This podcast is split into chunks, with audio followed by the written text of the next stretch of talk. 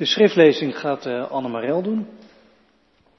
We lezen uit Marcus, wij lezen in de Leidenstijd uit Marcus, ook uh, volgende week in de Stille Week en met Pasen het Marcus Evangelie. En vanmorgen het slot van hoofdstuk 10 en het begin van hoofdstuk 11. Marcus 10, vers 46 tot Marcus 11, vers 11. Ze kwamen in Jericho. Toen hij met zijn leerlingen en gevolgd door een grote menigte weer uit Jericho vertrok, zat daar een blinde bedelaar langs de weg. Het was Bartimaeus, de zoon van Timaeus. Toen hij hoorde dat Jezus van Nazareth voorbij kwam, begon hij luidkeels te roepen. Zoon van David, Jezus, heb medelijden met mij. De omstanders berispten hem en zeiden dat hij zijn mond moest houden, maar hij schreeuwde des te harder. Zoon van David, heb medelijden met mij. Jezus bleef staan en hij zei, roep hem. Ze riepen de blinde en zeiden tegen hem, houd moed, sta op, hij roept u. Hij gooide zijn mantel af, sprong op en ging naar Jezus. Jezus vroeg hem, wat wilt u dat ik voor u doe? De blinde antwoordde, Rabboni, zorg dat ik kan zien. Jezus zei tegen hem, ga heen, uw geloof heeft u gered. En meteen kon hij zien en hij volgde hem weer op zijn weg. Toen ze Jeruzalem naderden en in de buurt waren van Betfage en Betanië bij de Olijfberg, stuurde hij twee van zijn leerlingen vooruit. Hij zei tegen hem, ga naar het dorp dat daar ligt. Door, zodra jullie er binnenkomen, zul je daar een ezelsveul vastgebonden zien staan dat nog nooit door iemand bereden is. Maak het los en breng het hier. En als iemand jullie vraagt waarom jullie dat doen, zeg dan, de Heer heeft het nodig. Hij zal het meteen weer terugsturen. Ze maakten het los. Er stonden een paar mensen, ze gingen op weg en vonden een veulen dat buiten op straat bij een deur was vastgebonden. En ze maakten het los. Er stonden een paar mensen die vroegen, waarom maken jullie dat veulen los? Ze zeiden dat Jezus hen had opgedragen te zeggen en dat de mensen hen, en de mensen lieten hem begaan. Ze brachten het veulen naar Jezus en legden hun mantels over het dier en hij ging erop zitten. Velen spreidden hun mantels uit op de weg, anderen spreidden de takken met bladeren uit die ze in het veld afhakten. Allen die voor hem uitliepen of achter hem aankwamen, riepen luidkeels, Hosanna, gezegend hij die komt in de naam van de Heer. Gezegend het komende koninkrijk van onze vader David. Hosanna in de hoogste hemel. Hij trok Jeruzalem in en ging naar de tempel. Nadat hij daar alles gezien had, ging hij, want het was al laat geworden, met de twaalf terug naar Betanië. Gemeente van Jezus Christus, eh, beleidenis zondag vandaag. Eh, jullie hiervoor aangaan dus eh, hardop ja zeggen. Dat je in God gelooft, dat je Jezus wilt volgen. Eh, best bijzonder eigenlijk, gezien de cijfertjes. Jullie vormen een uh, uitzondering, dat mag je wel zeggen. In Nederland, in het onlangs uh, verschenen rapport van het uh, Sociaal Cultureel Planbureau, staat er dat nog maar een derde van de Nederlanders in een persoonlijke God gelooft. En het aantal daarvan wat, wat Jezus volgt en gelooft dat je in Jezus God tegenkomt, is nog kleiner. Misschien een vijfde of zo van onze bevolking. Dus dat jullie hier vanmorgen gaan staan, dat is niet vanzelfsprekend. Geloof is niet vanzelfsprekend. Maar goed, daarmee zeg ik niks nieuws. Dat weet iedereen denk ik wel die hier zit. Geloof, wat is eigenlijk geloof? Wanneer kun je nou van jezelf zeggen, ik geloof? Ik ga voor in een kerk staan en ik ga zeggen ja. Daar hebben wij het een klein jaar over gehad met elkaar, niet iedere avond, maar wel vaak. Is genoeg geloven nul twijfels hebben, of misschien nog drie. Of is geloven, genoeg geloven dat je heel veel voelt van God, hè, dat je ja, echt een boekje kunt open doen over allerlei ervaringen die je hebt met God en met, met Jezus, met de Geest. In het uh, Bijbelgedeelte dat Annemarel voorlas, uh, gaat het over geloof. Je ziet hoe mensen reageren op Jezus. En je leest over geloof. En wie zijn in dit Bijbelgedeelte nou de mensen die echt geloven? Nou ja, op het eerste gezicht zou je denk ik zeggen, de mensen die echt geloven, dat zijn die mensen die in die optocht uh, met Jezus mee naar Jeruzalem gaan. Ik bedoel, die zijn super enthousiast. Uh, die zijn met takken in de weer aan het zwaaien. En die, die leggen hun jas op de straat, zodat Jezus een rode loper heeft.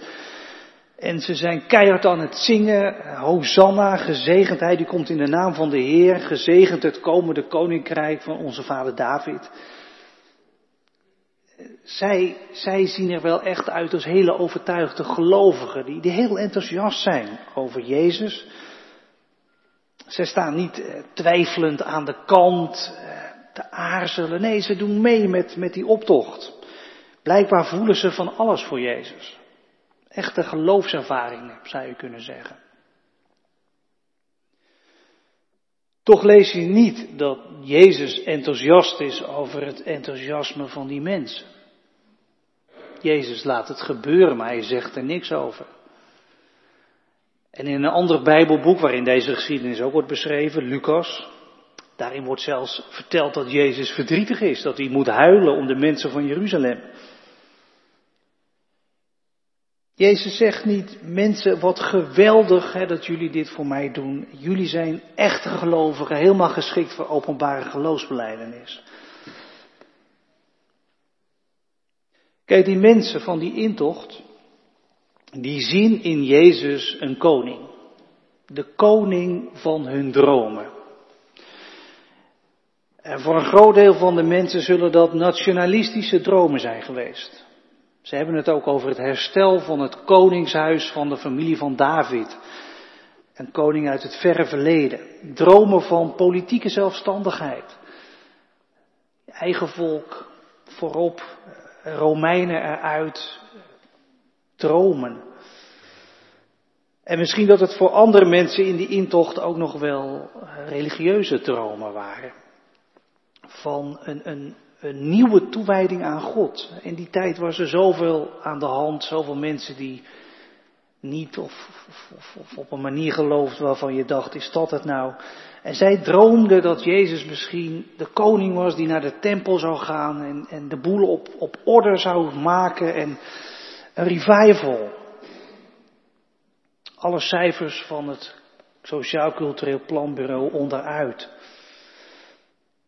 En de kans is ook groot dat er uh, heel wat mensen een droom hadden van nieuwe welvaart. Maar heel veel mensen in die tijd leefden onder de armoedegrens. En ze droomden van baankansen en betere huisvesting of huisvesting überhaupt. Zij hadden hun eigen droom bij Jezus. Als Jezus nou koning wordt, en zorgen dat de armen het goed krijgen en, en de rijke elite aan de kant zet. Kortom, zij zagen in die optocht in Jezus de koning die hun dromen waar zou maken. Maar zij zagen het niet goed. Zij zijn niet de zienden in dit Bijbelgedeelte. Zij zijn eigenlijk meer blind. Zij hebben geen goed zicht op Jezus. En ze hebben ook niet door dat, dat Jezus heel anders denkt over koning zijn. Dat Jezus een koning gaat worden die zijn leven geeft. Ja, ook vandaag stellen gelovige mensen zich bij geloof wel zoiets voor. Van, van Jezus die, die je dromen waarmaakt, hè, die support geeft. En mensen die niet geloven, die hebben misschien ook wel zo'n beeld van geloof. als je gelooft, dan, dan krijg je steun. dan krijg je zegen op je, op je plannen, op de dingen die jij graag wilt. Je bent bezig met van alles en nog wat en, en Jezus die geeft er een duwtje aan. De koning van je dromen. Maar Jezus is dus niet de koning van onze dromen. En toen die mensen in Jeruzalem daar achterkwamen, in de dagen die volgden, toen helder werd dat Jezus niet hun droomkoning was, ja, toen was hun enthousiasme ook snel voorbij. Het is heel snel Goede Vrijdag. En dan staan ze ook te schreeuwen, maar dan schreeuwen ze kruisig hem. Hang Jezus aan een kruis om doodgemarteld te worden. Nee, als het gaat over geloof, dan moet je dus niet kijken naar de mensen die met Palmpasen zo enthousiast eh, voor Jezus uitlopen. Die dansen en die zingen vol overtuiging. Nee, degene bij wie Jezus het heeft over geloof, dat is een heel ander type. Die is helemaal niet aan het dansen en aan het zingen. die zit langs de kant van de weg. De weg van Jericho naar Jeruzalem. Want Jezus gaat een reis maken dus van Jericho naar Jeruzalem. Te voet, nou ja, een stukje met een ezel, maar het grootste deel te voet. Dat ging ook wel in een dag, zo'n 30 kilometer. Dus nog een stuk minder dan onze marathon. Alleen is het verschil met de Rotterdamse marathon dan wel dat je van Jericho naar Jeruzalem dus omhoog moet. Hè. Je moet meer dan duizend meter stijgen. En eh, het klimaat was ook wel wat vervelender dan eh, wij vandaag als weer hebben voor de marathon. Maar goed, Jezus ging dus van Jericho onderweg met een groep mensen, pelgrims naar Jeruzalem. En dan zit daar net buiten de stad, langs de weg, uitgerangeerd, een man zijn hand op te houden, of zijn jas waarschijnlijk, eh, omdat hij blind is. Iemand die helemaal niet meedoet met alle bedrijvigheid. En van hem, Bartimaeus heet hij dus, zegt Jezus, daar is geloof. Dat is iemand die gelooft.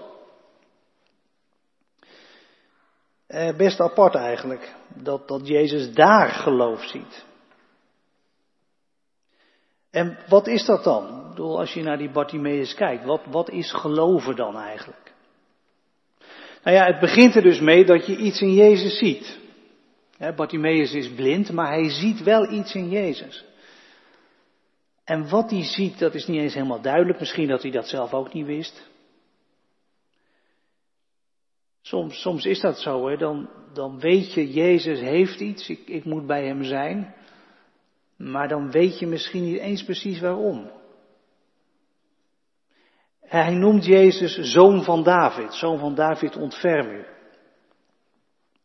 Bedoelde hij daarmee misschien dat hij in Jezus degene zag die God had beloofd lang geleden, die redding van God zou brengen?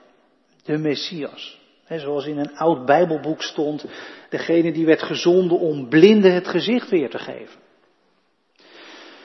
Ja, het zou goed kunnen dat hij, dat hij dat hoopte, dat hij dat in Jezus zag.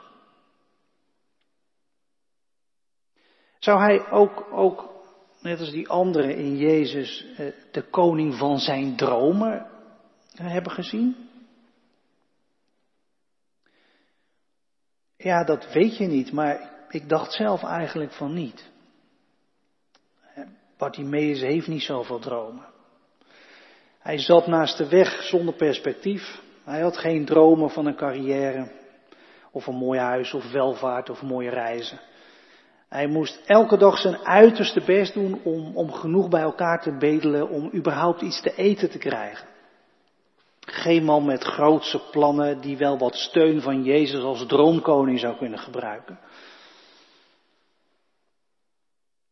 Hij ziet in Jezus in elk geval iemand die, die weet waar het met zijn leven naartoe moet. Bartimaeus die met zijn leven langs de kant van de weg zit, ziet in Jezus iemand die met Bartimaeus weet waar het heen moet. En, en geloof, dat is wat, wat die Bartimaeus dan doet.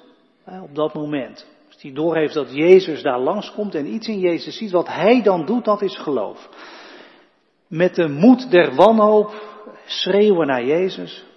Ook al zie je hem niet, ook al ervaar je niets, je gooit je gewoon voor zijn voeten als het ware. Dat is geloof. Dat je de sprong waagt en je aan Jezus uitlevert, dat je gewoon maar met hem meegaat. En of je nou veel voelt of weinig, of, of veel twijfels hebt of nul, je strekt je lege handen uit naar Jezus. Dat, dat is geloven. Ja, dus, dus dat is niet iets heel heldhaftigs of zo, hè? Of, of, of iets, iets waar je van omvalt. Eigenlijk is het iets heel kleins. Het is een sprong. En Jezus zegt tegen Bartimaeus, ga, je geloof heeft je gered. Bartimaeus, dat is degene in dit Bijbelgedeelte waar Jezus geloof bij ziet. De blinde man, hij kan ook weer zien. En het eerste wat hij dan ziet, ja, dat is dus Jezus. Weet je, geloof, dat, dat is voor iedereen mogelijk, maar vaak zijn het zijn het wat onverwachte mensen die geloof blijken te hebben. En net als die Bartimaeus, die langs de kant van de weg zat. Dus denk ook niet te snel dat geloof voor jou niet mogelijk is. Geloof is voor de meest onverwachte mensen mogelijk. Misschien ben jij iemand die zich wel herkent in Bartimaeus, die man langs de weg. op de weg loopt Jezus met een hele groep mensen om hem heen. En jij staat daar wat buiten. Buiten de mensen die om Jezus heen staan. Kerkmensen en zo. Mensen met van die mooie verhalen over geloven. En misschien dat dat komt door dingen die in jouw leven zijn gebeurd. En misschien komt het door de mensen die om Jezus heen staan. Dat je niet gaat geloven. Misschien is het er nooit van gekomen om je te verdiepen in wat het nou is. En, en best kans dat je altijd hebt gedacht dat geloof voor jou niet mogelijk is. Te sceptisch, hè? of te veel vragen. Maar dan komt Jezus langs. Vandaag komt Jezus langs. En jij zit langs de kant. Ja, wat doe je dan? Hè? Blijf je gewoon zitten? Of grijp je je kans? Zie je iets in Jezus? Je kunt in hem natuurlijk zien wat je wilt, hè, de koning van elke droom. Maar uiteindelijk is dat toch niet veel meer dan projectie. Hè, dat jij jouw wensen projecteert op Jezus. En vandaag nodigt die blinde nobody Bartimaeus jou uit om vanuit zijn perspectief naar Jezus te kijken. En in Jezus redding te zien. God die je komt redden.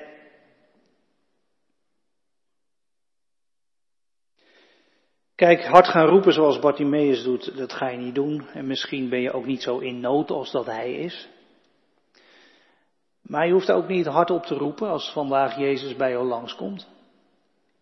Je kunt ook zonder dat iemand het hoort zachtjes bij jezelf zeggen, Jezus, God, als u daar bent, zou u dan misschien naar mij willen omkijken? Dat, dat is eigenlijk genoeg. Dat is meer dan genoeg als je dat zegt. Meer dan genoeg voor geloof. Jezus komt langs en hij hoort je het zeggen en hij roept jou bij zich. Dat is in deze geschiedenis ook, dat Jezus Bartimaeus roept. En die roep van Jezus, dat ging niet direct, dat ging via andere mensen. Die, die zeggen tegen Bartimaeus, hij roept je, je moet, je moet komen. En dat is bij jou vast ook zo. Via ouders, via vrienden, via studiegenoten heb je iets doorgekregen van de roep van Jezus. En vandaag ook, Jezus roept je. En wat Jezus dan tegen je zegt, nou dat is dit. Jezus zegt opstaan. Vandaag is het tijd om op te staan. Begin een nieuwe manier van leven. Keer je om en ga met Jezus mee. Ga volgen.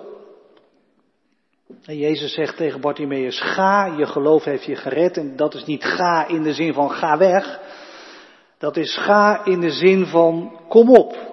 Kom op, niet meer langs de weg zitten, naast de weg, maar op de weg. Kom op de weg, op de weg van Jezus. Je wordt een volgeling. Want de weg, ja dat is natuurlijk letterlijk de weg die Jezus naar Jeruzalem aan het lopen is, op weg naar Goede Vrijdag en Pasen. Maar de weg betekent ook Jezus volgen, de manier van leven waarmee je Jezus volgt. En mensen in, in de eerste eeuw, die, die werden ook mensen van de weg genoemd, als ze Jezus volgden. Een aparte uitdrukking eigenlijk, mensen van de weg. Nou ja, die weg, daar gaat het hier dus ook over. Dat Jezus tegen jou zegt, kom op, opstaan, ga op de weg. Op, op Jezus weg. Achter Jezus aan. De weg. De weg waarheen? Je hebt in de wereld heel veel wegen die je kunt gaan. En allemaal ga je ook een weg. Iedereen gaat zijn weg, of haar weg. Je volgt een spoor, jouw route het leven door. En soms is het ook wel lastig. dan raak je het spoor bijster. zeker in deze tijd vind ik het wel lastig, jij niet? Waar, waar het heen gaat, eh, met ons, met de wereld. Komt het nog goed? Al die berichten die je maar blijft horen over gruwelen die zich afspelen in Oekraïne. Kunnen wij ook iets doen? Wat moet je doen? En weggedrukt door het nieuws van de oorlog kon je ook nog het bericht langs zien komen van weer een nieuw klimaatrapport.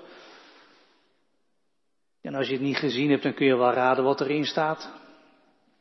Het wordt niet beter, bepaald niet. gaat het nog goed komen? De kans wordt steeds kleiner. Waar, waar gaat het heen? En door dat alles heen zoek jij je weg door het leven en, en probeer er iets van te maken. Welke weg is begaanbaar? Je hebt dus ook de weg van Jezus. Daar vind je niet alle antwoorden op alle vragen, maar het geeft wel richting, oriëntatie. Het is een weg van redding, zegt Jezus. Redding uit waar je in vastzit. Je kunt in van alles vastzitten.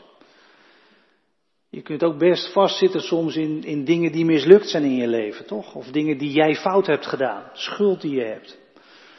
En die weg van Jezus is een weg vooruit, zal ik maar zeggen. Een weg van redding, een weg verder. Dat je weer opstaat en, en op weg gaat, verder gaat. Jezus die het gaat redden met jou en met deze wereld. Want God, God heeft zijn eigen droom voor deze wereld. En, en Jezus is de koning van die droom, de droom van God. Dat is de droom van een, een nieuwe wereld, waar God heen wil. En weet je, die weg van Jezus, dat is geen passieve weg waarbij jij rustig met je armen over elkaar zit te wachten tot Gods nieuwe wereld een keer aanbreekt. Zeker niet. Het is opstaan. Dat moet die Bartimeus ook. Die moet opstaan en gaan. Dat zegt Jezus, ga. Als je Jezus volgt, dan, dan ga je een manier van leven aan vol verantwoordelijkheid voor de mensen om je heen. Een verantwoordelijkheid voor planten, voor dieren, voor de schepping. Jezus die zichzelf weggaf, die vraagt aan jou om ook gevend te leven. Wij als mensen nemen vaak heel veel dingen. We hebben ook dingen nodig, dat is gewoon zo. Maar als je Jezus volgt, dan word je uitgenodigd om gevend te leven. Geen passieve weg, de weg van Jezus. En, en je weet niet altijd wat jouw gevende levensstijl uitricht in het grote geheel. En je weet ook niet altijd hoe de weg loopt. En jij hoeft de wereld ook niet te redden. Je hoeft jezelf niet eens te redden. Je leeft het leven dat Jezus je wijst. In de hoop op die nieuwe wereld die komt. Jezus is de bron van hoop die God ons geeft. En Jezus zegt vandaag tegen jou, kom op, ga achter mij aan, je geloof heeft je gered. En jij, je staat op en je gaat. Amen.